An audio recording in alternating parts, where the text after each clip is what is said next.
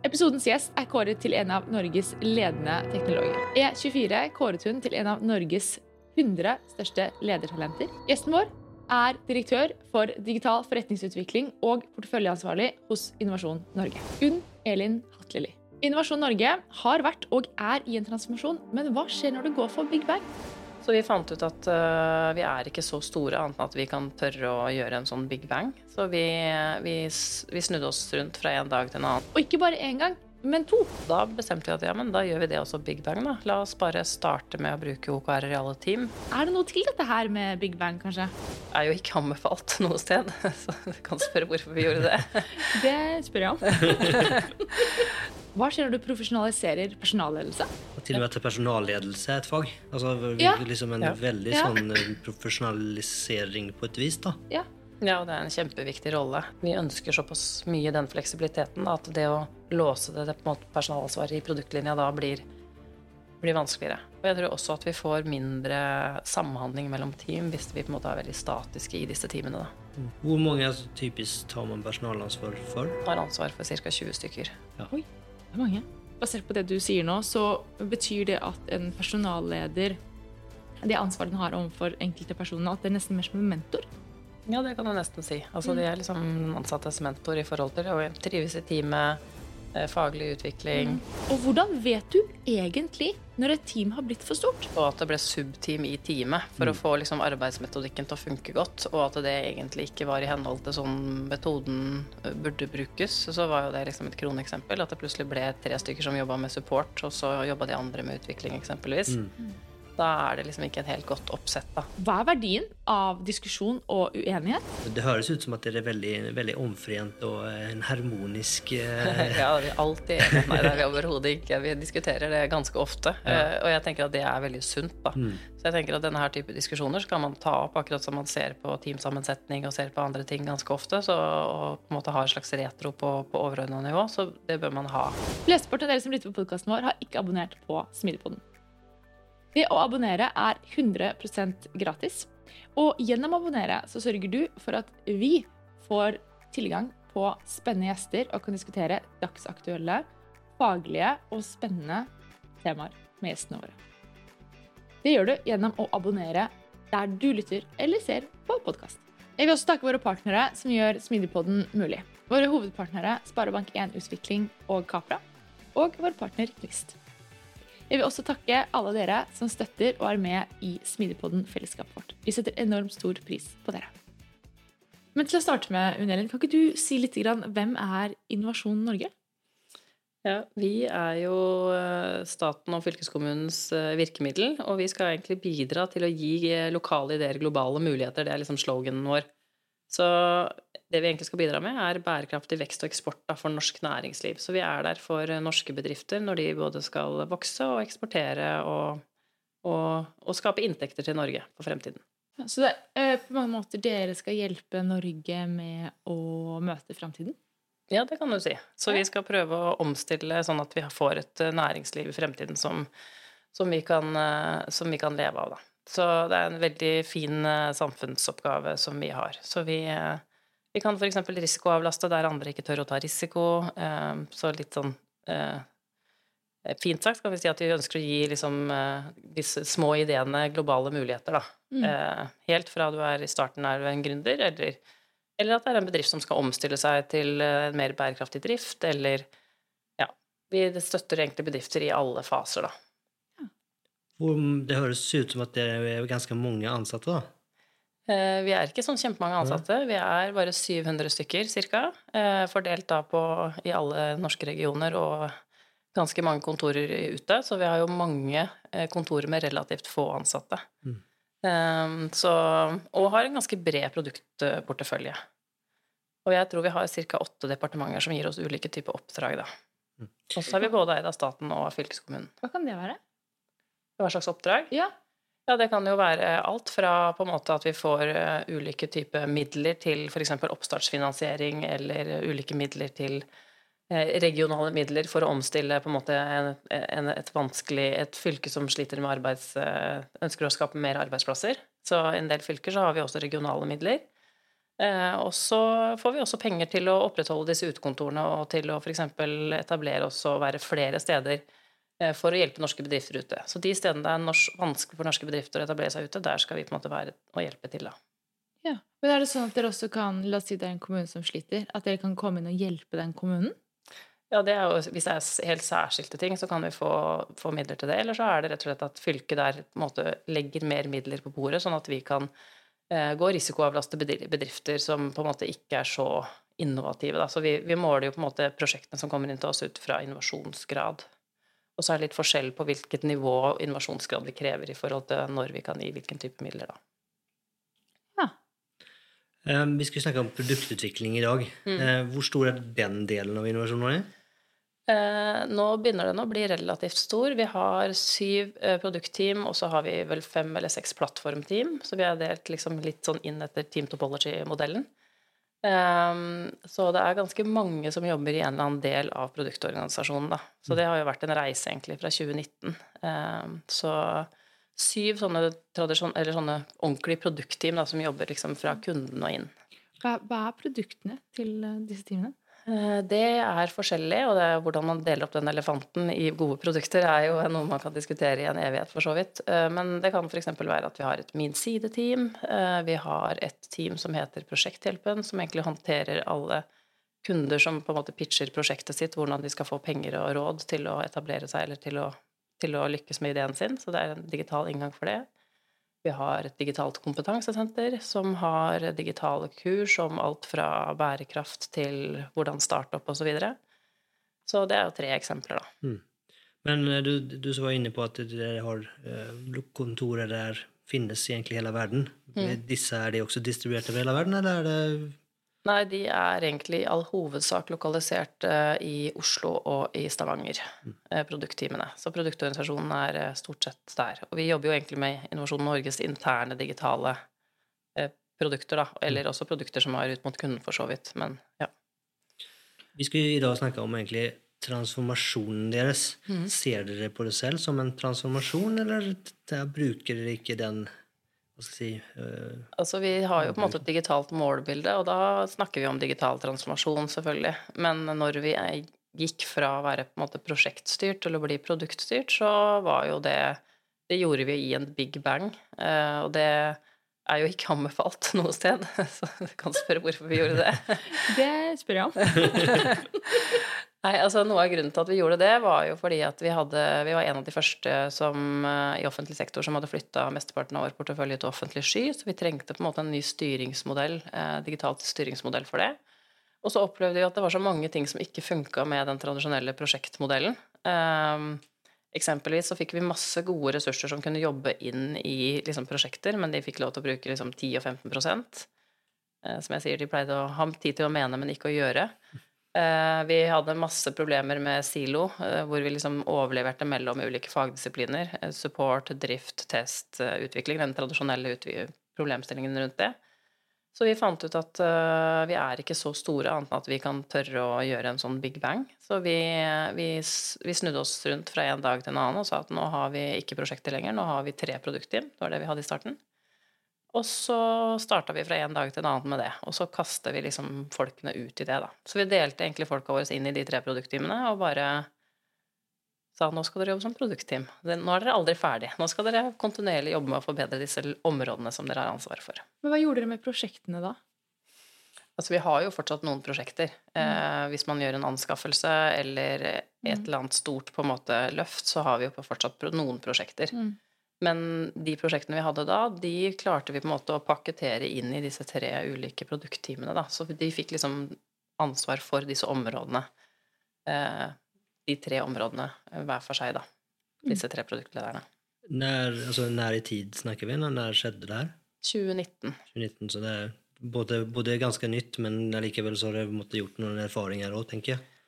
Ja, vi har jo gjort endringer halvårlig årlig, egentlig. Vi, første året vil jeg jo nesten, når jeg ser tilbake på det nå, så vil jeg jo nesten si at vi ikke var produktteam, selv om vi sa at vi var det. For da gjorde vi veldig mye feil. Um, så det var veldig mye læring første året. Så um, et, et kroneksempel var at de tre områdene var altfor store. Eh, Så vi så jo det at da etablerte det seg egentlig mer sånn tradisjonelle IT-avdelinger i produktteamene, fordi de, de var rett og slett for store. Så en av de viktige endringene vi gjorde etter et år, var jo å dele opp i flere team. Um, så nå prøver vi å holde oss til liksom regelen om syv til elleve personer i et team, da, og heller dele opp uh, i Mm. flere deler. Så det var én viktig læring. Hvordan så ni, eller hvordan opp, hva, si, hva, hva var det som gav uttrykk for at teamene var for store? Eller hva var det som fikk dere å se at det her er kanskje ikke helt riktig, da? Uh, Jeg tror egentlig det jeg nettopp sa, var ett kroneksempel. Da, når vi så at det ble subteam i teamet for å få liksom, arbeidsmetodikken til å funke godt, og at det egentlig ikke var i henhold til sånn metoden eh, burde brukes, så var jo det liksom et kroneksempel. At det plutselig ble tre stykker som jobba med support, og så jobba de andre med utvikling, eksempelvis. Mm. Da er det liksom ikke en helt godt oppsett, da. Mm. Så, eh, så det var vel kanskje det aller viktigste vi så, um, som var grunnen til at vi så at det var for stort. Og at det var vanskelig å drifte, rett og slett. Det var vanskelig liksom få det til å fungere godt, da. Mm. Så, så det var eh, en av de viktigste lærepunktene. Men jeg hadde jo vært så heldig, da, at jeg hadde jo eh, En ting som vi gjorde som jeg tror at var grunnen til at vi kunne lykkes, var at jeg fikk lov til å ansette interne forretningsutviklere. Så vi fikk lov til å internutlyse sju stillinger eh, fra på en måte egen linje. eh, Og vi fikk masse søkere. Jeg tror vi hadde 25 søkere på de syv stillingene. Masse, masse gode folk. eh, Så jeg fikk 100% fag- eller forretningsressurser inn i teamene. da, Sånn at vi fikk reelt tverrfaglighet i teamene. Så der var det jo eh, ulike ressurser som hadde jobba som kunderådgivere ute i kundeport, da, som vi kaller det, og snakke med kunder hver dag som søkte. Det var folk fra kommunikasjonsavdelingen, folk fra eh, portefølje- og produktutviklingsenhet som søkte de forretningsutviklingsstillingene. Så de fikk jo da jobbe hos meg, og så fikk de en bootcamp. De ble, fikk noen kurs fra NTNU, og så fikk de opplæring i metode og ark eh, arkitektur og personvern og mange andre morsomme ting. Mm. Eh, og så fikk de jobbe 100% inn i produktteamet. Så det var nok en suksessfaktor, tror jeg. Hvordan skiller de seg mot en typisk produkteier eller produktleder inn i et sånt team? Fordi dere har det òg, ikke sant? Ja, eh, mange av de er det nå. Ja, okay. Fra den første runden som vi ansatte internt. Da. Så en del av de har jo blitt produktledere. Mm. eh, Og er jo veldig gode produktledere, for de tar jo med seg kompetansen, altså Innovasjon Norge-kompetansen. Altså Mm. hva er det vi driver med? Eh, Så, så det har vært veldig, veldig bra. Så nei, de skiller seg jo ikke helt ut, da, som du sier. Eh, Og så har vi hatt noen runder til etterpå da, hvor vi har rekruttert flere forretningsutviklere. Så det har liksom blitt en, nesten en skole internt hos dere? Som på en måte produktlederskole på noe vis? da? Ja, ja. Vi, har kalt det, vi kalte det bootcamp, da, første Ja. runden. Så, og den, eh, den kom jo, traff jo også midt i covid, så den ble relativt digital. Eh, mye av det. Så, så det. Så det har vært eh, veldig gøy å drive med, men veldig sånn dugnadsbasert, da. Mm. Mm. Men det er jo på, på teamet deres Du sier dere er syv til elleve personer. Mm. Men det er flere ulike roller på teamene deres, annet som forretningsutviklere. Dere har produktleder, teamlead, decklead og utviklere. Mhm. Eh, Det er jo relativt mange her som ikke er liksom, eh, som produserer kode, da. Hvordan balanserer dere det? Eh, Vi har sagt at den teamlead-rollen eksempelvis, da, det er jo ikke en 100% stilling. Det kan godt være en utvikler som har den. Mm. Så det er kanskje en 50% jobb. Kommer litt an på hvor på måte, godt teamet flyter. Jo bedre det flyter, så er det mindre jobb. Så det er mange av disse rollene som ikke er 100% roller, og det ønsker vi ikke at de skal være heller. Um, så, så sånn sett så er jo teamleaderrollen ofte kombinert med en forretningsutvikler- eller utvikleroppgave, på en måte.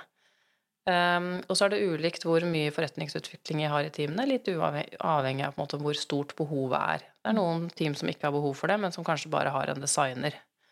Så, så det er ikke sånn at alle rollene må være i alle team da, hos oss. Men de rollene vi har sett at er, i hvert fall i produktteam, at vi må ha, det er eh, at vi vil ha en produktleder, da, som er, vi kaller han utenriksminister, interessenthåndtering osv. Så, videre. så har vi en teamlead som er mer innenriksminister, passer på teamet.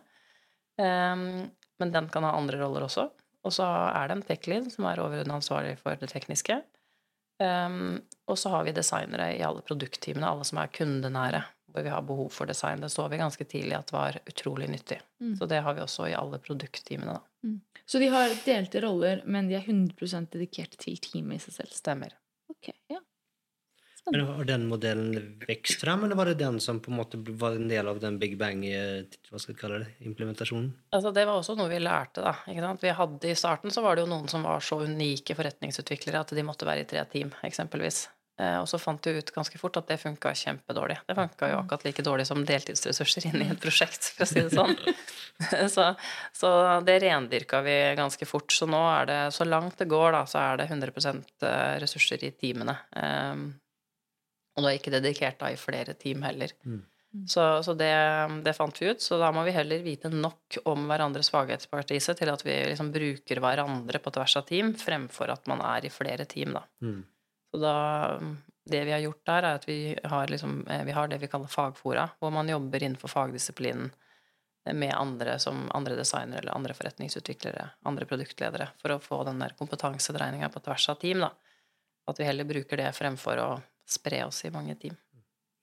Men eh, Det har gått ned i størrelse, men 11 er jo relativt stort team fortsatt? Ja da, det er det føler dere på, eller har de fått, si måte, har de fått de elleve personers til å fungere som et team, eller ser de det mot samme tendenser, at det liksom er kanskje realiteten kanskje to eller tre team, mens det blir sett på som et team? da? Eh, vi ser, Det er veldig forskjell på type team, da. Eh, men vi ser jo at det er litt sånn Og vi har også noen som er litt større i dag, men da har de også litt sånn operativt ansvar i tillegg. Eh, men vi ser det at når det begynner å komme opp mot det, så bør vi liksom begynne å se på hvordan vi kan dele det opp på andre måter. Så det er noe vi egentlig kontinuerlig vurderer. Eh, så, så det er liksom en løpende dialog i produktlederfora om, om, vi må dele opp. Og så har vi diskutert om vi bør gå over til områder og sånn, men vi har ikke kommet helt dit ennå, da. For det er jo en, også en mulighet.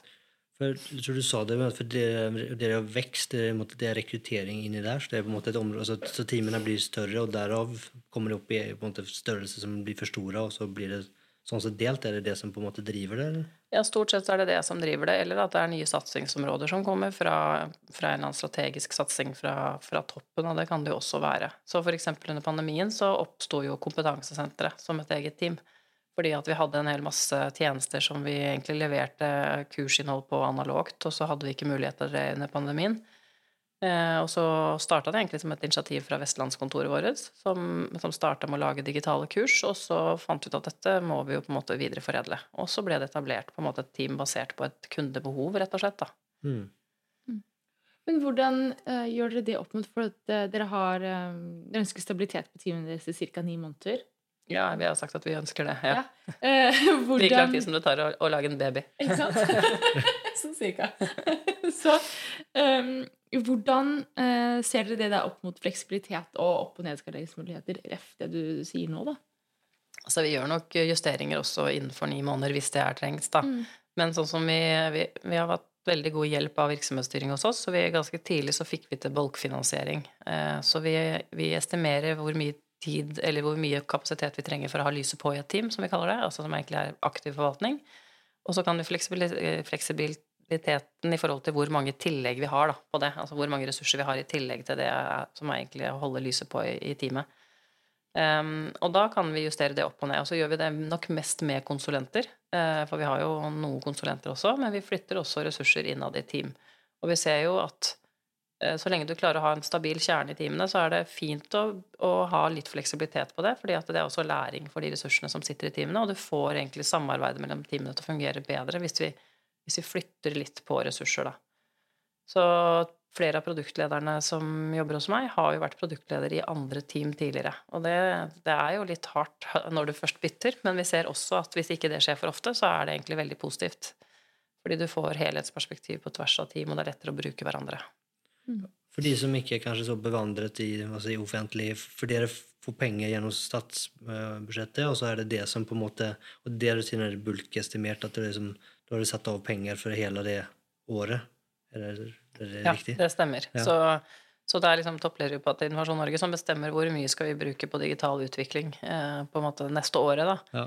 Eh, og så innenfor det så, så, er det selvfølgelig en del ting som går til eh, ting som vi må gjøre som lisenser og sånn, og så er det på en måte en pott som blir satt av til disse produktteamene, da. Og innenfor det så, så vi, har vi ganske mye fleksibilitet.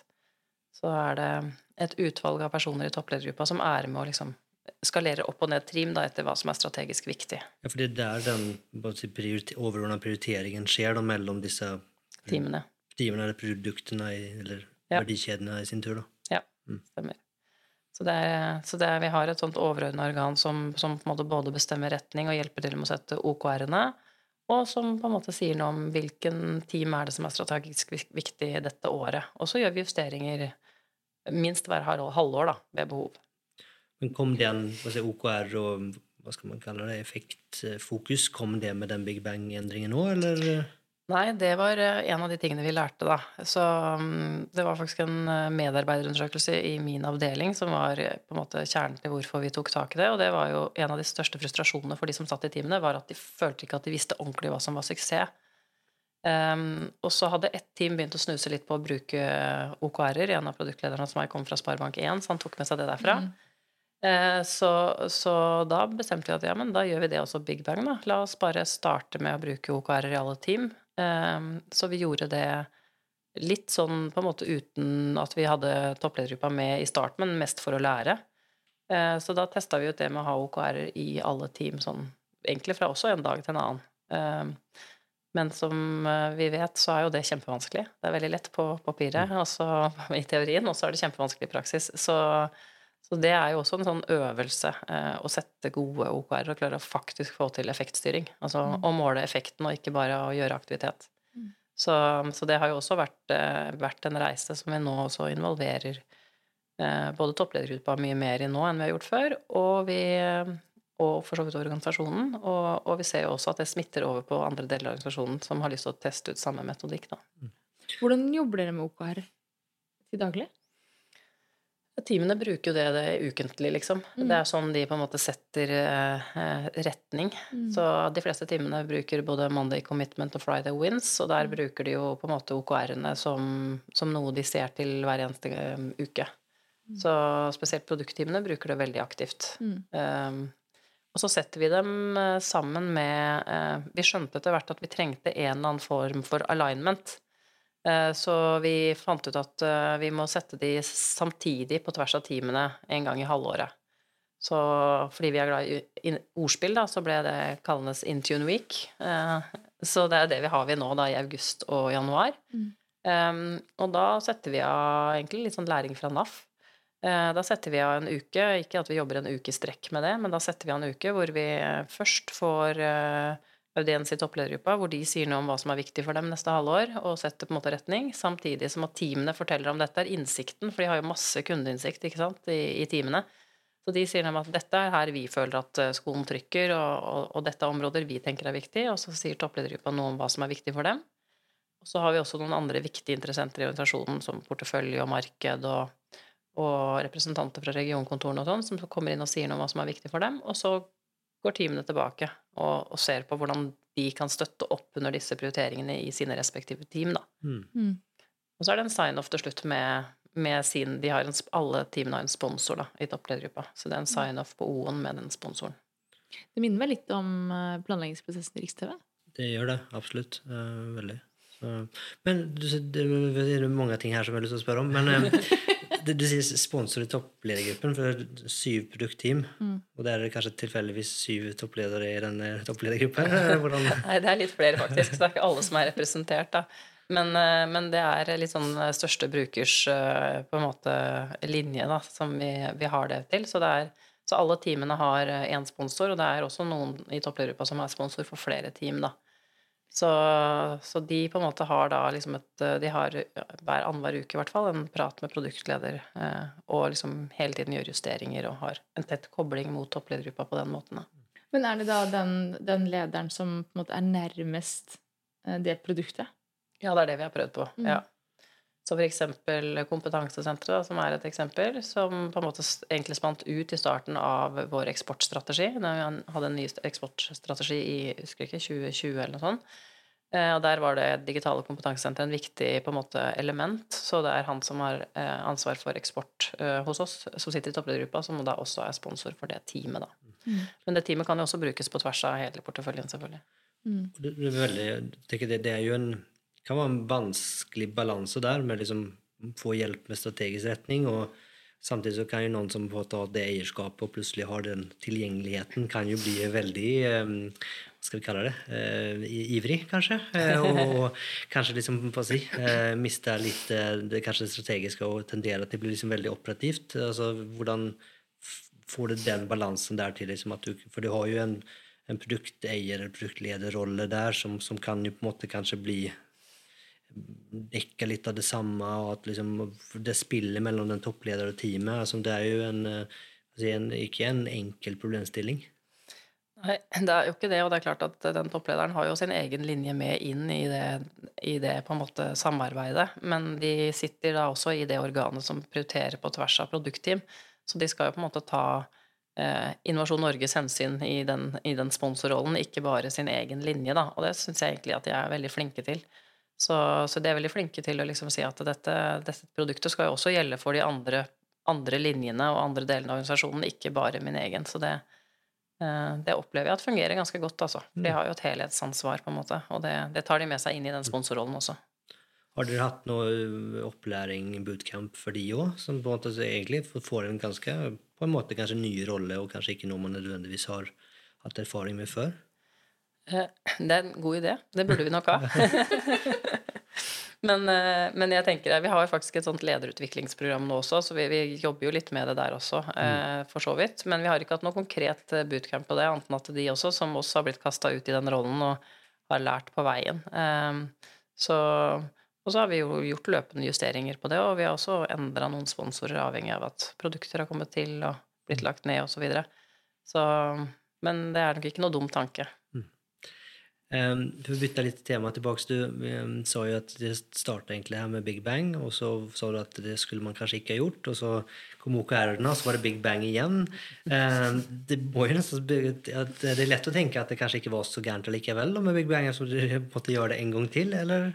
Eh, nei, jeg tenker jo at det er fint å, å hoppe ut i det og, og ta læringen, da. Eh, så jeg, jeg ville nok gjort det igjen hvis ja. jeg hadde fått spørsmålet. Jeg syns at det er mer positivt ved det enn negativt. Og så er jeg redd for at hvis vi hadde tatt ett team, og det ikke hadde fungert, så hadde vi fått et, mm. et bevis på at det ikke fungerte. Mens nå som vi tok alle team på likt, da, så ser vi at det fungerer bra her, men dårlig her. Hva kan vi lære av det teamet som faktisk det fungerer bra i? Mm.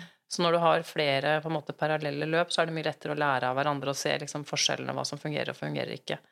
Så jeg ville nok gjort det på nytt igjen. Og så tar du jo på en måte ikke en big bang hvis du på en måte gjør noe som har stor risiko, på en måte. Vi mm. tar ikke big bang på banksystemet vårt, på en måte. Det, der må vi være litt mer eh, mm. eh, Ha litt mer eh, risikoavasjon på det, for å si det sånn. Men på disse tingene her så er det jo veldig lav Altså det er ikke noen stor fallhøyde på det. Å teste det ut, og så lære av det, og så justere. Jeg tror det er også det, Jeg tror det er viktig å, å, å, å, ta med seg hvis man lytter, at ja, det er jo en big bang, men det er jo ikke det at dere ikke jobber iterativt og lærende i etterkant. Dere fortsetter jo. Ja, ja, vi har gjort um, justeringer absolutt hele tiden. Mm. Uh, og det at vi gjorde det big bang, vi gjorde jo bare at vi hadde flere steder å lære fra. Uh, mm. Så og risikoen var jo, opplevde jeg i hvert fall, ganske lav, da, for det var jo de samme personene som satt i prosjekt, som nå skulle jobbe i produkt. Det var mm. flinke folk som vi stolte på i prosjekt. Det er ikke noe grunn til at de ikke gjør en god jobb når de vet de skal leve med produktet etterpå. Um, så jeg opplevde at risikoen var ganske lav uh, ved liksom å endre arbeidsmåte. Men Var det mye usikkerhet i organisasjonen når dere gjorde det? Syns folk det var ubehagelig, eller, eller syns de det var helt uh, kjekt å gå fra en dag til en annen? Nei, jeg opplevde egentlig at det var veldig etterspurt og ettertrakta, da. Mm. For det handler jo om det der å slippe disse overleveringene. Tror jeg alle ser at det er eh, veldig fornuftig. Mm. Eh, og så opplever jo jeg at vi bygger bedre produkter når du skal leve med dem etterpå. Så jeg opplever at vi får eh, Jeg har mer trygghet til at vi får god kode, eh, og for så vidt også god opplæring. For det er veldig på en måte eh, selvregulerende at du skal leve med produktet etterpå. Mm. Um, så, så jeg opplevde at det det som jeg tror nok kanskje var hardt for noen, var nok de forretningsutviklerne som kom rett fra en kunderådgiverjobb eller en jobb en helt annet sted til å jobbe i produktteam, for det er en helt annen måte å jobbe på. Mm. Eh, så du må jo Vi har jo jobba en del med menneskene i teamene til å jobbe mer med selvledelse. Altså det er jo på en måte Du må liksom ja, Det at man sitter i team og er avhengig av hverandre og, og på en måte leder seg selv da, i mye større grad, mm. det jo, kan være uvant når du har kommet fra en sånn kunderådgiverrolle, da. Og kanskje høy grad av åpenhet og en høy grad av samarbeid, samhandling. Det er mange ting som man kanskje ikke Og det, det er kanskje De som kommer fra et IT-produkt, har mer erfaring med, men andre fagområder har kanskje ikke jobba på den måten. Og den overgangen der er ofte mange som opplever å undervurdere, for det er ganske hva skal jeg kalle det, brutal endring i måten å jobbe på. da. Absolutt, og ikke minst også den der feedback-kulturen når man hele tiden gjør retroer og ser på hva som er feil, og osv. Det er jo ikke alltid man er så flink til det i andre typer roller, ikke sant? Mm. mens det er en del av helt vanlig rutine i en, i en smidig verden. da. Mm. Det kan være ganske ubehagelig første gangene. Mm. Uh, så, så, der har vi måttet uh, jobbe litt med de menneskene i teamene, da. Men jeg opplever at det stort sett går veldig bra, og at uh, folk motiveres jo av det mm. i aller høyeste grad. Ja, jeg synes det er interessant det med Big Bang, for vi har diskutert det mange ganger. og det liksom, den gjen, altså vanlige anbefalingen er jo ikke å gjøre det. Mm. Eh, Riks-TV gjorde også Big Bang i sin tid. Eh, jeg tror ikke vi hadde vært der vi er i dag. Jeg tror ikke vi hadde fått det til så bra som vi har fått det til. og hvis vi ikke hadde gjort det på den måten. Det er klart vanskelig å vite hva som hadde skjedd hvis vi hadde gjort det på en annen måte. Vi, vi, klart vi, vi hadde, noe, vi hadde jo testa litt før det, eh, men, men når vi vel bestemte oss, så var det egentlig liksom ok, fra en format til en annen. Litt sånn nesten over natta, ikke helt det, men, men og det, det, gir jo en veldig kraft og en veldig energi og en veldig fokus. Og som du sier, du, du har veldig mye å, å, lære fort. Og så lenge man liksom er litt omforent av det, så, så tror jeg liksom at det ikke nødvendigvis er en, en, dårlig måte å gjøre det på heller. Jeg syns det er interessant fordi at det, det, eh, jo mer jeg tenker på det, eh, jo flere er det av de suksesshistoriene jeg hører, er Big Bang. Ja. Det, det, kan nok også være litt Vi jo, har jo litt med størrelse å gjøre, da. Jo, selvfølgelig har det med størrelse. Ikke, hadde vi vært veldig store, så tror jeg ikke det hadde gått. Men um, med vår størrelse så fungerte men, det bra. Men jeg tror også det har noe med å gjøre med den sense of urgency. Ja, men nå sitter vi i det her sammen. Nå må vi bare mm. få det til å fungere. Og så ser vi at det funker for det teamet, men ikke det teamet. Som du sa, ikke sant? Hvorfor fungerer det her og ikke der? Veldig konkret å kunne sammenligne. I forhold til hvis du skal ta det sakte som sikkert, ja, det har sånne fordeler, det òg, men du har ikke det å sammenligne, og så får du kan du risikere å få folk som sier at ja, men det her funker jo ikke, vi kan ikke gjøre det her, det er jo altfor usikkert. Og... Nei, det er absolutt sant. Det var, Um, tilbake til en liten eh, runde på de OKR-ene igjen. Eh, det er jo, du var jo litt inne, inne på det, at det er ikke er ikke alltid så enkelt å sette de OKR-ene. Um, har dere gjort noen liksom, erfaringer læringer der? For det, ofte så kan jeg oppleve team på en måte det, det, det stopper litt pga. at det er litt vanskelig. Og så så liksom, uten, altså, jeg tenker at det, det, er ok at det er vanskelig, og at vi har fokus på det, er bedre enn vi ikke har fokus på det. Men, men, men at liksom, har dere liksom klart å finne en måte å liksom, ikke bruke for mye tid og, og liksom faktisk liksom få noe verdi ut av det? da? Det gir jo bare verdi hvis du ser på dem hele tiden og mm. bruker dem veldig aktivt. Så det tror jeg liksom er nummer én, da. Eh, så de teamene som ser på dem en gang i måneden, så fungerer det ikke så godt. Så det er jo noe med det. Og så eh, en annen viktig læring er jo at det helst eh, Og det er vanskelig avgrensning, da. At det helst ikke skal være noe du ikke selv har råderett over, men du skal allikevel også være proaktiv. Så Produktteamet Innovasjon Norge jobber jo med liksom en del av det å implementere en digital transformasjon. Så du skal på en måte være proaktiv. Da skal de pushe noen grenser og gjøre noen endringer. Men du skal likevel ikke ha OKR-er som på en måte går utenfor det teamet selv ikke kan påvirke. Da. Mm. Så der er det noen grenseflater som er ganske vanskelig. Um, men jeg opplever at det er eh, strekk i laget. Noen er veldig gode og blir bedre og bedre. Men det er jo øvelse. Jeg opplever jo at hver gang vi har Intune Week, så har vi disse gjennomgangene vi har en dag hvor vi koordinerer på tvers av team da, og ser på hverandres OKR-er. Og da er, vi, er, jo teamene sine egnes verste fiender, på en måte. Og liksom pirker på hverandre og hjelper hverandre å bli bedre, da. Mm. Så jeg tror rett og slett at det handler bare om øvelse. Du må gjennom nok runder. Og så er vi som sagt heldige at vi har en som er nerdete opptatt av det. Eh, og, og på en måte er, går veldig inn i det og, og, er god på det. Så vi har på en måte en som er, hjelper de andre teamene mye, da. Mm. Hvordan har teamets eh, mottagelse av det? Du sa at det var egentlig ønsket, men min erfaring er at det kan være eh, til stunder så kan det finnes, føles litt håpløst, for du kanskje har gjort Du jobber fint i teamet, du har levert egentlig masse ting, mens av en eller annen grunn så har ikke den OKR-en eller KR-en beveget seg. Enten at det er noe makroting, eller at eh, feil KR, eller andre ting som har gjort at du, du ikke liksom, du, du, vet at du har gjort bra ting, men du kan ikke se det i tallene. og Det kan på en måte oppleves veldig frustrerende og kanskje til og med demotiverende. Har du, liksom, har du følt noe på det? At, liksom, at det her at noen liksom at det her er jo ja, Møter motstand i det. da, At ha det fokus på, på resultat og effekt, og ikke bare på liksom, oppgave og features som er veldig lett um, Hva skal jeg si? Uh, spiselig og målbart? da? Jeg har vel ikke opplevd det så veldig, men vi har vært ganske sånn fokusert på at vi ønsker at teamene skal kunne jobbe med på en måte å være innovative, da, finne andre løsninger på ting. Og skal du gjøre det, så må du faktisk måle på effekt, og Mm. ikke på features. Så hvis man skal få til den på en måte innovasjonen mellom fag og, og tech og design, så må det på en måte være effektstyrt. Og så er vi ganske flinke til å dele når det ikke går bra. Eh, og jeg må innrømme at jeg liker jo egentlig veldig godt selv de gangene jeg blir motbevist på mine assumptions, for si sånn, for de har det jo hele tiden. Så vi er ganske flinke til å sånn, fortelle hverandre og nå hadde vi denne hypotesetestingen, og vi testa dette, og vi testa dette, men alle de pekte feil vei. Uh, alle disse gjorde faktisk at vi fikk dårligere treff. Så det at vi også på en måte deler når det ikke går bra, og det er det veldig åpenhet om, det gjør kanskje at det er ikke så demotiverende da, at vi ser det på tvers av team. Og så er ikke alle teamene gode på det, men jeg tenker at det er jo en del av gamet. At eh, du tester ut mye som også ikke fungerer, men det er en del av metoden, og det er greit. da. Så, men det er klart at det kan være demotiverende når du ikke finner de hypotesene som drar det i riktig retning. Men, eh, men eh, jeg, jeg tenker at å ha åpenhet om det, og at det er noe alle teamene egentlig står i fra tid til annen, er en del av det. Um, vi har vel tatt litt innom det, fast uten å touche innom det. Vi har snakket om disse ulike lederrollene i, eh, i teamene, men vi- det vi ikke har snakket om, er jo personalledelse. For det har jeg skjønt at det er ikke en del av de rollene, og ligger ikke i teamet. Det ligger et annet sted.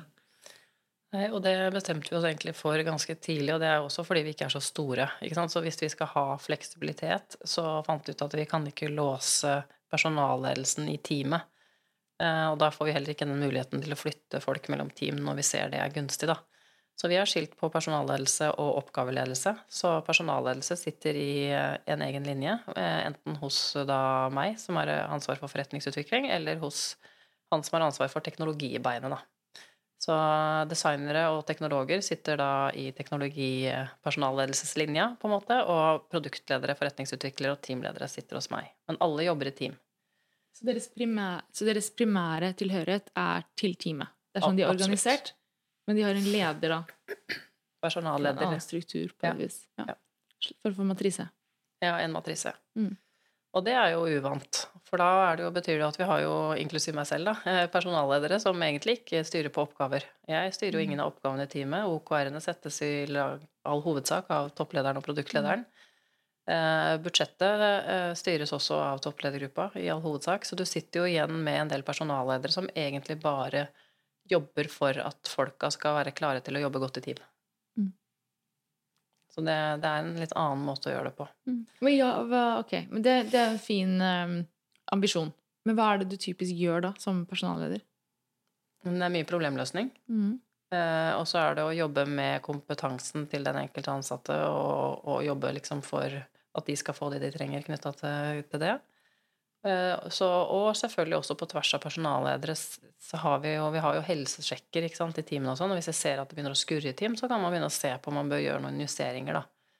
Så jeg mener at personallederjobben er jo fortsatt kjempeviktig, men det viktige liksom, i personallinja handler egentlig om den tight, loose, tight. Da, ikke sant? Om at du gir kontekst til de som sitter i teamet, hjelper de å forstå helheten, fjerne hindringer når det er noen. Um, hjelpe til å få optimale ressurser eh, i teamene for at et, sammensetningen skal være god, sammen med produktleder, da, selvfølgelig. Eh, så det er på en måte det samspillet da, mellom personalleder og oppgaveleder for å få liksom, teamene til å flyte godt. Basert på det du sier nå, så betyr det at en personalleder det ansvaret den har overfor enkelte personer, at det er nesten mer som en mentor. Ja, det kan du nesten si. Altså, de er liksom den ansattes mentor i forhold til å trives i teamet, eh, faglig utvikling eh, Ja, Mm. passe på den linja, da. Ja, men så har dere et ansvar sammen med da, lederen for teamet til å sørge for at dere har riktig eh, Sammensetninger, ja. sammensetning. Ja. Mm. Har dere noe hva skal jeg si, prosess for å ha, si, koble de lederne sammen? Sånn at de på en måte sitter med en sånn felles bilde av den enkelte? Og de sitter jo og har eh, sine på en måte personalledermøter, ikke sant? hvor de har lov til å diskutere personallederting, selvfølgelig. Eh, Så det har de jo. Og så har de jo én-til-én med de produktleder eller teamleder, litt avhengig av liksom konstellasjonen, for å liksom få oppdatering på hvordan folk funker i teamene, og hvordan, hvordan ting flyter. Da. Mm. Så de, de er jo veldig viktig på en måte medspiller i å få liksom den rigget til å funke. Da. Dette er jo um, egentlig todelt ledelse. Ja, det er det. Hvordan syns de ansatte det er? Oi, det må vi nesten spørre dem om. Eh, men jeg opplever jo Altså, vi, vi måler jo på på, det, på psykologisk trygghet i timene og på en måte trivsel og sånn, og der har vi veldig god score. Og jeg tenker jo at eh, hadde denne todelte ledelsen fungert veldig dårlig, så ville det nok hatt utslag også der. Mm. Um, så, så jeg opplever jo at det fungerer ganske godt. Mm. Og så er det noe med at det er jo med alle organisasjonsmodeller, da, så er det jo noen fordeler og ulemper. Og det er klart at vi har jo vurdert ved et par anledninger burde vi liksom flytta personalledelsen også inn i teamene. Mm. Men så opplever vi at vi mister såpass mye fleksibilitet da, og vi har en teknisk rigg som tilsier at vi har muligheten til sånn faglig sett å flytte ressurser mellom team når det er nødvendig. Så vi opplever jo at uh, vi ønsker såpass mye den fleksibiliteten da, at det å låse det, det på en måte personalansvaret i produktlinja da blir, blir vanskeligere. Og jeg tror også at vi får mindre samhandling mellom team hvis vi på en måte er veldig statiske i disse teamene. da. Ja, for det er jo en veldig riktig og fin refleksjon, for det er ofte, man kan ofte, møter ofte at, liksom at uh, en illusion kanskje, at det man på måten man har gjort det på er den beste måten eller at den ikke har noe negativt med seg. Men det er jo alltid en trade-off som du ser det som. Och för det så er fleksibiliteten mer verd enn noe annet, og derfor så har man valgt det. Men selvfølgelig så kommer det med en potensiell nedsida eller med en kost da. Mm. Men er det, er det, det høres ut som at det er veldig omforent i at det är skal si, prioriteringen. Er det sånn, eller er det, liksom, man, er det noe som blir diskutert, og det er motstand på disse tingene, at det liksom har en, si, en pendel som så, Eller er det liksom Det, det høres ut som at dere er veldig, veldig omforent og eh, en harmonisk eh, Ja, vi er alltid enige. Nei, det er vi overhodet ikke. Vi diskuterer det ganske ofte. Eh, Og jeg tenker at det er veldig sunt, da. Mm. Så jeg tenker at denne her type diskusjoner skal man ta opp akkurat som man ser på teamsammensetning og ser på andre ting ganske ofte, så, og på en måte ha en slags retro på, på overordna nivå, så det bør man ha. Mm. Så det er ikke så lenge siden vi hadde eh, på en måte ledergruppemøte da, i, i menneske og teknologi, for vi er eh, også organisert sammen med HR, eh, hvor vi tok opp dette temaet om vi skulle fortsette å ha denne todelingen, da, eh, og diskuterte for og mot, og var enige om at nei, vi, vi mener at det faktisk Fordelene overveier eh, er bedre enn en ulempene, så vi skal fortsette å ha det sånn. Da. Jeg, jeg tenker, eller vi, vi har, Det er jo egentlig modellen vi har hatt i Riks-TV ganske mange år, med akkurat samme argumentasjon om at fleksibiliteten men Det vi ser på, på over tid, da, er at det blir et um, litt sånn spagettiopplegg. eh, Som både har sine fordeler på en måte òg, for det, det bygger jo organisasjonen bånd på tvers av organisasjonen. men, men Eh, Det vi i hvert fall ser er at der det fungerer bra, eh, så fungerer det veldig bra. Men der det ikke fungerer så godt av ulike grunner, så ser vi kanskje at det ikke fungerer så godt. At da blir det litt eh, Den enkelte blir litt, kanskje havner litt uh, i skvis, eller det, det, man ikke, får ikke den oppfølgingen man trenger, eller man får ikke den dialogen som er. Men det er jo kanskje også en sånn type trade-off. så Skal du lage et system for, for folk flest der det fungerer, eller skal du lage et system for liksom, de få unntakene som der det kanskje ikke helt fungerer, og du kanskje burde ha andre prosesser for å fange det opp uansett? da. Mm. Det vi vel nok ser, er at vi ønsker jo egentlig større grad av mobilitet også fra andre deler av Innovasjon Norge, eh, som kan komme inn og jobbe i produktorganisasjonen en periode. Eh, og da ser vi jo at det er mer uvant, fordi at da, eh, da møter du på en måte den tradisjonelle linjelederen mer på en måte den matrisen som vi har i produktsfæren, da. Og det, kan, da er det uvant for de ressursene, eller de lederne som skal avgi ressurser til et produktteam, fordi at det produktteamene ledes jo da på en helt annen måte. Så, så der er det jo Det er jo vanskelig med to modeller i én organisasjon, i den grad man ønsker den mobiliteten også utenfor menneskelig teknologi, da, som, som jeg eh, sitter i som organisatorisk enhet. Så det, det ser vi at da, da er det jo en da er det jo mye dialog som må til med den avgivende lederen. Hvor mange altså, typisk tar man personalansvar for? Altså hvor Hun som er hos meg, da, som har teamledere og forretningsutviklere, hun har ansvar for ca. 20 stykker. Oi, det er mange. Har hun fagansvar i tillegg? Hun har fagansvaret på teamleads.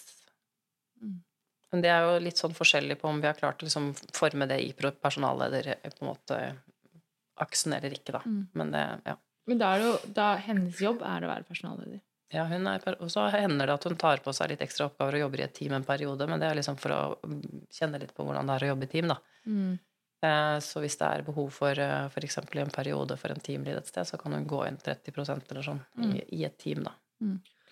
Eh, Tobias, jeg, vi har, historisk eh, på Smidepoden så har vi snakket mye om Tobias, at le, vi må huske på at ledelse er et fag. Mm. Uh, og at når du blir leder for mennesker, så er det det som er faget ditt. Eh, det høres jo litt ut som dere har Og til og med at personalledelse er et fag. Altså Ja. liksom en Ja. veldig Ja. sånn eh, profesjonalisering på et vis, da. Ja. Ja, og det er en kjempeviktig rolle. Så jeg tenker at det, det må også Men jeg tror det at det som er uvant, da, og det, da kan jeg bare se meg selv i speilet, er jo at som leder så er jeg vant til å på en måte produsere mer selv. mm. Eh, mens i en sånn personal, ren personallederjobb så er du egentlig Du er først og fremst personalleder og mentor, da, Mm. eh, som dere sier. Eh, og da kan man jo noen ganger føle på at man ikke leverer noe. Mm. så det tror jeg er et savn da, for noen av disse, at de er sånn vant til å De fleste er vant til å liksom også ha en eller annen linje å levere på, og det er uvant. Så, så det er nok eh, en av de tingene som både jeg og i hvert fall hun som jobber hos meg, har snakka en del om, på en måte hvordan vi på en måte da noen ganger får noe sånn fagansvar og noen småoppgaver som du gjør, som liksom føler at du også produserer noe. ja, for dette er, dette er så veldig interessant, fordi tradisjonelt sett også, da, la oss si at du ikke har det leveranseansvaret, så, så vil du allikevel hatt eh, folk som eh, du er leder for, både som del av si oppgaveledelse og personalledelse, så du leverer jo på et vis gjennom dem. Absolutt. Um, det gjør du jo i aller høyeste grad, men samtidig så er det noen andre som bestemmer hvordan de skal bruke tiden sin. Nettopp.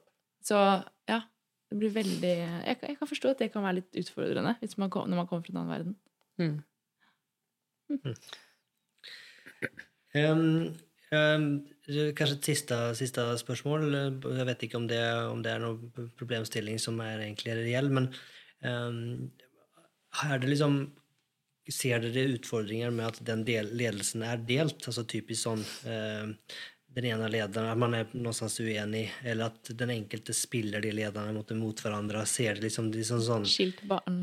ja, skil, skil, Skilsmissebarnet. ja. liksom, liksom, kan, har du liksom opplevd de på en måte, hva skal jeg si, um, ting som folk man, skal kunne, liksom, man kan argumentere for at det er ting som vil skje? Har dere sett det? Innom... Selvfølgelig. ja. Eh, og det kommer jo ofte opp hvis det er eh, røffe budsjettsituasjoner. Eh, for vi, ja, vi regner jo på tiden til både ansatte og, og eksterne. Så det, det kommer jo selvfølgelig opp i sånne situasjoner. Eh, så, og det er noe vi må øve oss på å bli bedre eh, på. Eh, så det som vi har snakka en del om, er at vi må være flinkere til å holde hverandre i loopen tidligere. Mm. Fordi at da blir det ofte mye mindre konflikt, og man kan følge hverandres på en måte tankeprosess en stund. da. Mm. Så, så det er kjempeviktig. Men det er klart at det vil være sånn, sånne prosesser. Og så er det jo Man vet jo det når man har personalansvar. Man får jo på en måte et veldig nært forhold til de man har personalansvar for. Så, så man vil jo gjerne på en måte hegne om de. Og det, det kan jo noen ganger være motstridende med f.eks. flytting mellom team eller den type ting. At det da kan komme liksom litt sånn eh, vanskelige diskusjoner da, på bordet. Mm. Men de må man jo bare ta. Det er jo i alle organisasjonsmodeller. Ja, det blir, og det blir ikke borte for at man ikke snakker om det. Så det er Nei. jo, altså, det er jo mange ganger så er det mye bedre at de kommer opp og man får diskutert det, faktisk, enn enn at man later som at det ikke er der. For det er jo det er sånn ofte jeg opplever, at liksom at man, med smidig generelt så er jo ting Man reflekterer, ting er åpent. Mm. Så det kan jo oppleves som at det er mye mer problemer, men jeg tenker at det er ikke mer problemer, det er bare at nå snakker vi faktisk om de. Det Ja, betyr bare for man ikke snakker om ting, eller ikke er synlig, så betyr ikke det at det ikke har vært der hele veien. Nei, så jeg, mener, jeg opplever jo at de gangene det, det blir størst konflikt, er hvis man på en måte har vært for sen med å involvere på en måte hverandre da, i denne type problemstillinger. F.eks. hvis man har en ressurskvis, på en måte, eh, eller man trenger å gjøre en avveining mellom ressurser til to ulike team, eller den type ting, så er jo det på en måte det som er eh, eh, det største utfordringen. Ida, jeg tenker tiden løper fra Ja. oss som vanlig. Vi er på veis ende. Så de fem siste spørsmålene, vil du starte? Det tenker jeg godt kan gjøre.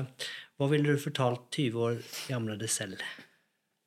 Det er vel noe jeg lærte egentlig i psykologien, og det er eh, ordet positiv angst. Altså, jeg var så stressa for å ikke gjøre ting bra nok. Eh, veldig mye i oppveksten. Eh, og brukte mye, veldig mye energi på det. Eh, så det liksom å lære seg konseptet positiv angst, og at det faktisk er noe positivt og handler om læring, det skulle jeg hatt mer ro på i, i oppveksten, eller i 20-åra, tror jeg. For det eh, Å bare gå med det at dette her er egentlig en positiv ting. Når det er litt ubehagelig, så er det mye læring. Og liksom å ha ro om det. Og det kommer jo stort sett når man blir eldre. Men hele det konseptet positiv angst skulle jeg forstått tidligere. Positiv angst. Skal jeg lese om. All right. Neste spørsmål er hva mener du kjennetegner en god leder? Ja, det er jo tillit og respekt og transparens, da, Det er sånne buzzord, selvfølgelig. Men jeg tror, mener også at det handler mye om forutsigbarhet. Det å ha en leder som du på en måte Det skjer uforutsigbare ting med, det tenker jeg er veldig ubehagelig. Eh, så en, og så er det alltid sånn at man Det er masse uforutsigbart som skjer, men det at lederen din er relativt forutsigbar, eller stabil, det tenker jeg er ganske viktig, da. I også krevende situasjoner. Mm. Jeg går tilbake til jeg startet. Det jeg tenker på dere, det jeg har hørt nå, er en smidig transformasjon. Jeg synes at det enda er Og en tilsynelatende veldig suksessfull òg. Liksom men i den forstand at det fortsatt er jo lærer som jeg tenker er på en måte hele, hele, poenget her. Men hvis man sitter og lytter og lurer litt på hva, hva, hva, hva er noen konkrete tips, hvor skal man starte? Hva, skulle du liksom sagt til deg selv i forkant av 2019? Eh, jeg tenker nok at vi skulle jobba enda mer med toppledergruppa. Eh, vi hadde veldig god på en måte, support fra toppledergruppa, men det er også en del av den som har vært skifta ut i den perioden. Så det å liksom jobbe litt mer systematisk med den eh, tror jeg jeg ville gjort hvis jeg skulle gjort det på nytt. Så det er nok det aller viktigste som, som på en måte Som jeg tenker at det ikke var naturlig å lære underveis, men som vi burde gjort mer i starten og for så vidt kontinuerlig også. Har du noen bøker, lydbøker eller podkaster som du anbefaler? Ja, altså nå, Det er jo selvfølgelig Smidigpodden, da, siden jeg sitter her. Og så må jeg jo se Innopodden, som Innovasjon Norge mm. har. Der er det ganske mange spennende gjester. Ja. Um, ellers så hører jeg jo litt på både Lennys podkast, har jo noen morsomme episoder innimellom. Skifter. Og ikke minst Futurist Lab, som Gartner har. Som har litt sånn uh, som, som, ser på ja, fremtidsvyer, egentlig. Jeg syns den er fascinerende og gøy å høre på. Gud, Good. Sånn helt avslutningsvis, hvis man vil komme i kontakt med deg eller høre mer, eller ja, få, få mer inspirasjon om kanskje hva som skjer inne i Innovasjon Norge, er det mulig på noe vis? Ja, da ligger e-postadressen min på nettsidene våre, eller så finnes jeg på LinkedIn. Så det er bare å kontakte meg. Det skal vi ordne en link til. Link til tusen, tusen takk for at du ville komme, Unelen. Det var en fryd. Bare hyggelig. Veldig gøy å være her. Så vi bare sier ha det bra til gjestene. Det gjør vi. Ha det. Ha det bra.